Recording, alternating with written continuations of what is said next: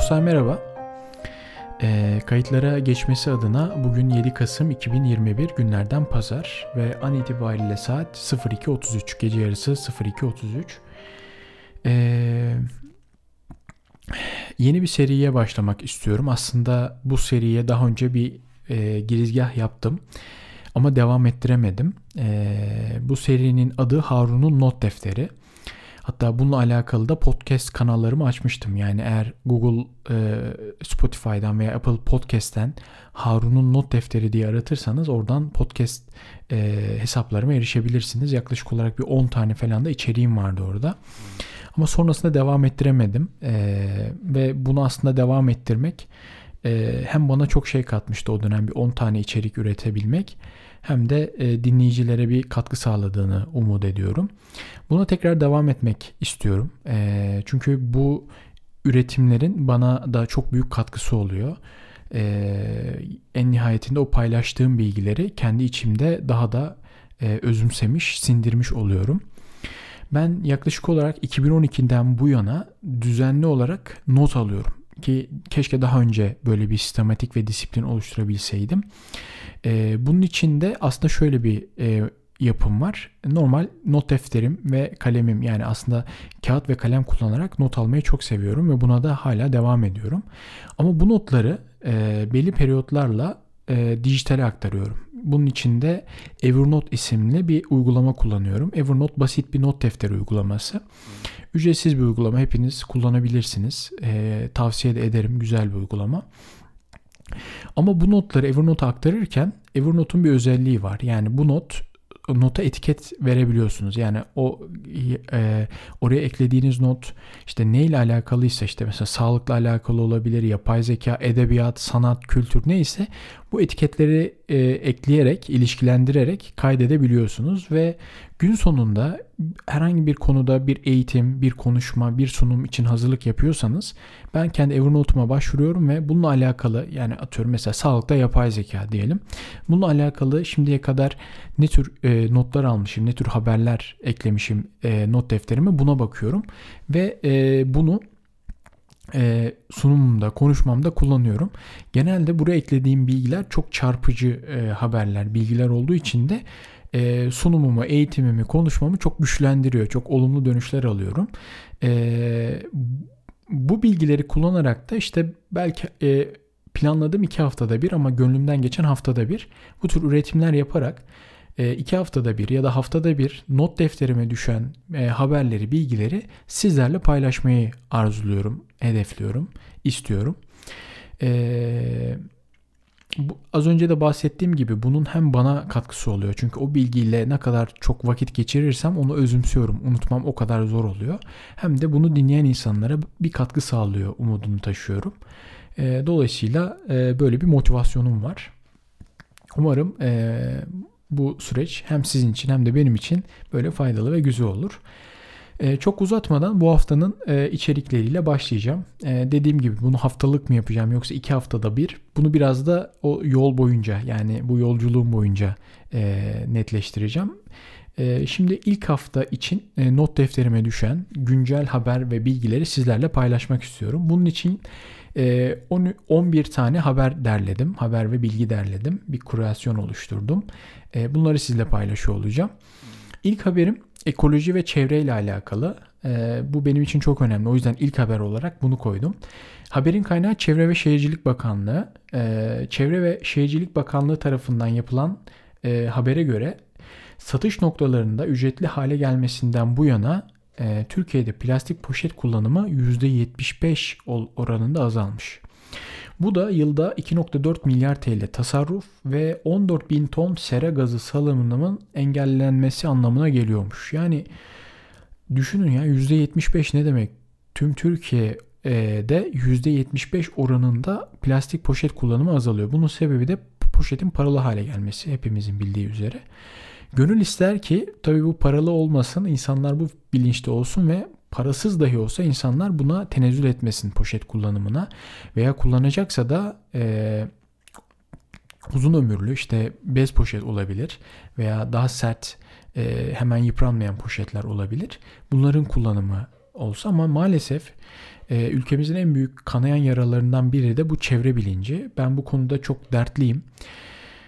Ee, yani önümde yürüyen bir insanın e, içtiği sigarayı yere atması beni çok üzüyor. Çoğu zaman müdahale ediyorum ve e, bu müdahale etmem e, pek iyi sonuçlanmayabiliyor. Yani tartışabiliyorsunuz o insanla e, ve hani o tartıştığınız insan için de artık geç yani onu o saatten sonra artık düzeltemezsiniz müdahale de etseniz. E, burada belki işte e, yeni nesli çocuklarımızı gençlerimizi bu anlamda farkındalık e, kazanmalarına e, sağ, farkındalık kazanmalarını sağlamamız gerekiyor. Bunda eğitimle e, yapacağımız aşikar ama bu eğitim okulda yapılan eğitimle olacak bir şey değil. Yani burada yine yetişkinlere, ebeveynlere çok büyük görev düşüyor. Bir çocuk anne ve babasından gördüğünü yapar. Yani e, babası yola tükürüyorsa veya sigara izmaritini yere atıyorsa bunu çocuk da yapacak. Bu 2-2-4. E, veya iyi bir örnek olması hasebiyle evinde çöplerini ayrıştırarak çöpe atan yani işte kağıtları, plastikleri, organik atıkları veya pili ya da cam atıkları ayırarak atan e, bir evde yetişen bir çocuk da aynısını kendi büyüdüğünde uygulayacak. Dolayısıyla e, böyle bir e, ülkede yaşamak istiyorsak önce kendimizi düzelteceğiz. Daha sonra bu farkındalık çocuğumuza, etrafımıza yansıyacak ve böyle bir çığ etkisi yaratacak. Ama maalesef biz çok çok geri durumdayız. Birçok gelişmiş ülke hem e, çevreye e, kirletmemek hem de ülke ekonomisine katkı sağlamak adına e, evinde ürettiği çöpü ayrıştırarak çöpe atıyor. Yani bu tabii bunun devlet de regüle ediyor kanun ve kurallarla ama e, artık bu bir bilince bir farkındalığa dönüşmüş. İnsanlar kanıksamış e, tüm çöplerini ayrıştırıyor ve bunu bu şekilde çöpe atıyor. Umut ederim ülkemizde çok vakit kaybetmeden böyle bir bilince oluşur, ulaşır. Bu bilinç eğitimli olacak ama bu eğitim e, toplumsal bir eğitim yani okulda olacak bir eğitimli olacak bir şey değil. Ben de bu farkındalığa bir katkı sağlaması adına e, bu e, kaydımın ilk haberini bu e, konuyla yapmak istedim. Umarım e, bu farkındalığın oluşmasında bu içeriğin bir katkısı olur diye de e, temenni ediyorum. İkinci haberim teknoloji ve müzik kategorisinde ve yapay zeka ile alakalı. E, Alman besteci Beethoven, e, o, Beethoven'ın 10. senfonisi yarım kalıyor. Kendisi hayatını kaybettiği için 1827 yılında. E, sanat konusunda uzmanlaşan Playform adlı yapay zekanın rehberliğinde yürütülen 2 yıllık bir çalışma sonucunda senfoni nihayet tamamlanabilmiş. Eserin 90, 1994 yıl sonra tamamlanmış hali de 9 Ekim günü e, müzikseverler ile paylaşıldı. Ben de bu eseri dinledim. E, ben klasik müziği seven bir insanım ve Beethoven'da çok fazla dinlerim. Çok da severek dinlerim. E, o eseri hakikaten Beethoven'un eserleri gibi yani hiç böyle kulağımı tırmalamadı. E, Plainform adlı yapay zeka işini fazlasıyla iyi şekilde yapmış bunu görüyorum. E, burada işte o model yani o Plainform dediğimiz şeye aslında aynı insandaki gibi e, Beethoven'un tüm eserleri dinletiliyor ve bir tahminleme yapması, bir sentez yapması bekleniyor. E, tabii o dinleme insanın dinlemesi gibi olmuyor. Onu dijitalleştiriyorsunuz, sayısallaştırıyorsunuz, vektör haline getiriyorsunuz gibi süreçleri var. Ama gün sonunda insan gibi o modelde o eserleri dinliyor ve o eserler üzerinden bir tahminleme ve sentezleme yaparak eseri tamamlayabiliyor ve bunda da gayet başarılı bir sonuç elde etmiş. Bu haberi de thenextweb.com adlı web sitesinden aldım. Üçüncü haber Reuters'ten, Reuters haber ajansından. Litvanya Savunma Bakanlığı vatandaşlarına içinde içerik taraması yapan ve uzaktan sansüre yönelik yazılım ve donanım bileşenleri içerdiği gerekçesiyle Çin malı telefonların kullanılmamasını tavsiye etmiş. Maalesef Çin malı özellikle Çin malı yani Çin'de üretilenleri kastetmiyorum yani farklı bir markada Çin'de üretim yapabilir. Çin markalı ve Çin malı telefonlar e, bu konuda beni de kaygılandırıyor. Çünkü tamamen kapalı bir ülke, kapalı bir devre. Ne yapıyor verileri, nasıl kullanıyor bunu bilmiyoruz. Yani evimde akıllı baskül var işte ya da akıllı bileklikler var. Buradaki mesela akıllı baskülde benim sadece kilom değil vücut analizimi de hesaplayıp bunu e, mobil uygulama uygulamama aktarıyor. Aktardıktan sonra o veri muhakkak e, kullanılıyor. Benim için benim verim Çin için bir şey ifade etmeyebilir ama İstanbul'daki insanların vücut analizi verisi veya Türkiye'deki insanların vücut analizi analizi verisi e, önemli bir veri ve bunu da kullanıyorlardır muhakkak bundan eminim. Diğer haberim yine sağlık e, alanında University of California, San Francisco'da kendisi bu üniversitenin ağır depresyonu neredeyse anında tedavi eden bir implant, implant, implant geliştirmişler. Beyne yerleştirilen ve nöral etkinliği gözlemleyen bu aygıt depresyon belirtilerini fark ettiğinde ki bunu da depresyon belirtisi gösteren insanların beyin hareketliliğinden tespit ediyorlar fark nasıl bir şey olduğunu. Elektrik sinyalleriyle buraya müdahale ederek süreci, depresyon sürecini engelliyormuş. Bu teknolojik çözüm 2020'den bugüne dek Sarı adlı 36 yaşındaki kronik depresyon hastasında denenmiş ve son derece başarılı sonuçlar vermiş. E, maalesef depresyon e, insanoğlunun en büyük hastalıklarından, en büyük problemlerinden biri. O kadar yaygın ki depresyon ve antidepresan kullanımı da o kadar fazla ki e, antidepresan ilaçlarının kalıntıları denizlerimizde cirit atıyor. Çok yoğun bir şekilde tespit ediliyor. Bunu böyle işte bu hastalığı e, kimyasal ilaçlarla değil de elektrik sinyalleriyle tedavi edebilmek bence çok önemli bir gelişme sağlık alanında. Bir diğer haberim teknolojiyle alakalı yine Forbes yapay zeka ile alakalı. Forbes'tan aldım bu haberi. E, Birleşik e, Arap Emirlikleri'nde bir banka e, gerçek bir müşterisinin yapay zeka ile modellediği sahte sesi kullanan hackerlar tarafından dolandırılmış. Büyük bir şirketin taklit edilen sentetik sesiyle şirketin mevduatının bulunduğu bankayı arayan hackerlar 35 milyon dolar tutarındaki parayı yabancı bir hesaba aktarabilmişler. Aslına bakarsanız mesela benim şu an bu yayından dolayı ses verimi aslında YouTube'la aslında tüm dünyayla paylaşmış oluyorum. Bu ses verimi ne kadar çok paylaşırsam hackerlar bu ses verimi kullanarak benim konuşmadığım şekilde ki metinleri konuşturuyor hale getirebilirler. Yani bunu aslında paylaşıyor oluyorum. Bu riski göze al, riski almış oluyorum bu yayınları yaparak. E, ve bunu da işte e, hackerlar bankacılık sistemlerindeki açıkları da kullanarak o telefon bankacılıklarındaki e, bankalıyı dolandırabilmişler. E, bu da bu alanda önemli bir haber. Aslında teknoloji ve yapay zekanın o karanlık yüzüne dair bir haber ama biz yine teknoloji ve yapay zekayı kullanarak bu tür istismarları tespit edebilecek sistemlerde pekala geliştirebiliriz ki örnekleri de var. Ee, bir diğer haberim yine yapay zeka ile alakalı. Ee, Washington Üniversitesi'nin Allen Enstitüsü'nde bir grup bilim adamı tarafından geliştirilen Ask Delphi yani Delphi'ye sor isimli yapay zeka algoritması girilen metinlerin etik değerlendirmesini yapıyor ve ben bunu da denedim. Eğer Google'a Ask Delphi diye aratırsanız e, gelen linkten ilk linke tıklayıp e, siz de deneyebilirsiniz. İngilizce çalışıyor tabii. Oraya bir metin giriyorsunuz. Mesela diyorsunuz ki erkekler bayanlara göre daha üstündür diyorsunuz mesela. Size bu etik değildir demiyor. Evet bu etik değildir, etik değildir. Şu gerekçelerle değildir ve şu kanun ve şu maddelere göre değildir şeklinde detaylıyor size. Bu bence çok güzel. Yani sadece evet veya hayır, olumlu ve olumsuz demeyip bunu detayla, detaylayabilmesi modelin, o yapay zeka modelinin ne kadar iyi eğitildiğinin ve kurgulandığının bir göstergesi. Bu tür örnekler hukuk sistemlerinde kullanılabilir veya tıpta kullanılabilir.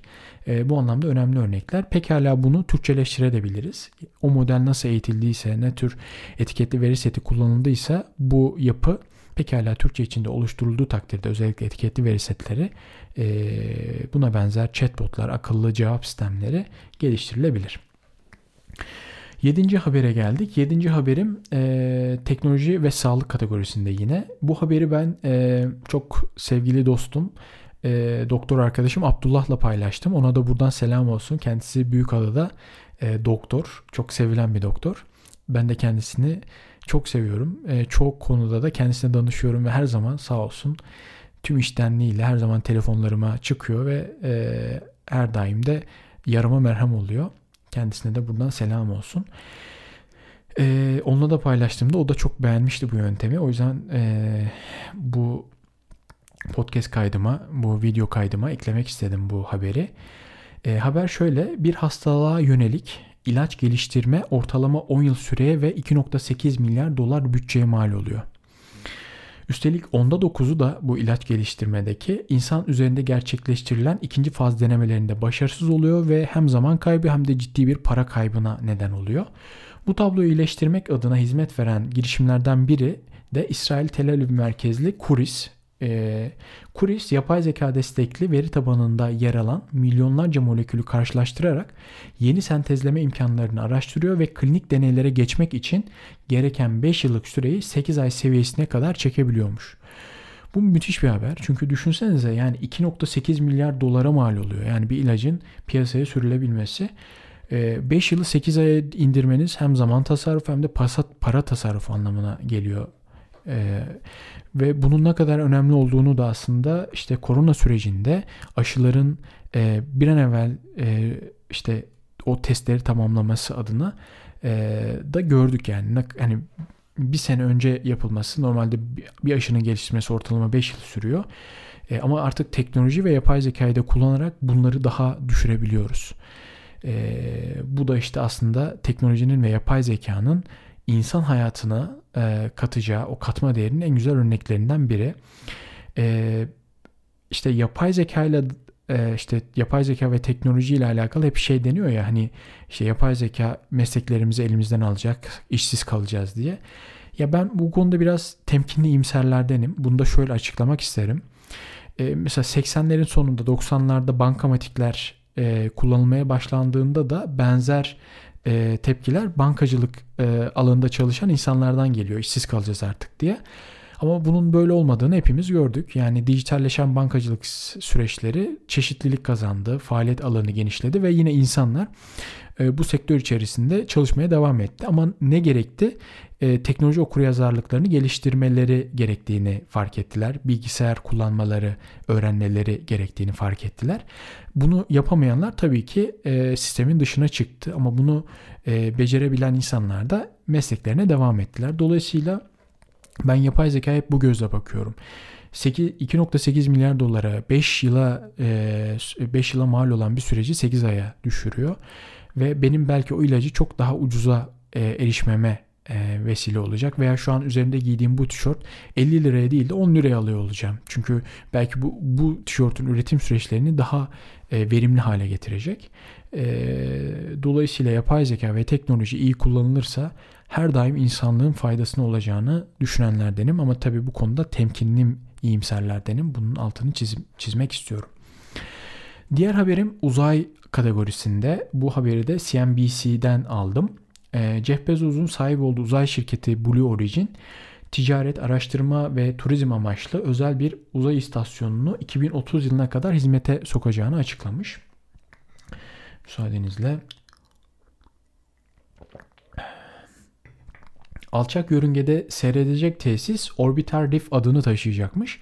Yine benzer bir haber Lockheed Martin Amerikalı büyük bir savunma sanayi şirketi 2027 yılında Starlab adlı ticari uzay istasyonunu hizmete sokacakmış. Bu istasyon 340 metreküp hacminde olacakmış ve 2030 yılında kullanım ömrünü dolduracak uluslararası uzay istasyonunun yerini alacakmış. Şimdi ben bu tür ticari girişimleri çok destekliyorum. İnsanlığın uzay macerasını, yeni dünyalar keşfetme serüvenini olumlu yönde etkileyecek ama bir yandan da şöyle bir kaygım var. Özellikle işte Jeff Bezos son dönemde işte e, işte uzaya çıktı. Birkaç şirket daha var bunu yapan. E, yani şimdi normalde sizin uzaya gidebilmeniz için uluslararası uzay istasyonunu e, gidebilmeniz için belli amaçlarınızın olması lazım. Bilimsel amaç veya devlet nezdinde bir takım amaçlarınızın olması lazım. Yani bir takım regülasyonlara tabisiniz. Kafanıza göre gidemiyorsunuz paranız olsa bile. Ama şimdi parası olan gidebilecek gibi bir noktaya geliyoruz. Bu da insanoğlunun karbon ayak izini çok artıracak. Düşünsenize o roket Allah bilir ne kadar ton yakıt harcıyor o kütleyi uzaya çıkarabilmek için ve buna kadar sera gazı salımına neden oluyor. Dolayısıyla böyle bir kötü tarafı da var. Bunun bir şekilde yine devletler nezdinde regüle edilmesi lazım. Her önüne gelen de e, sırf ticari amaçlı, turizm amaçlı bence uzaya çıkamamalı. E, bunun sonuçları bence ağır olur e, dünya için. Sonuçta bu bu sonuçta bir yani e, bir ton para da anlamına geliyor. Ham madde anlamına geliyor.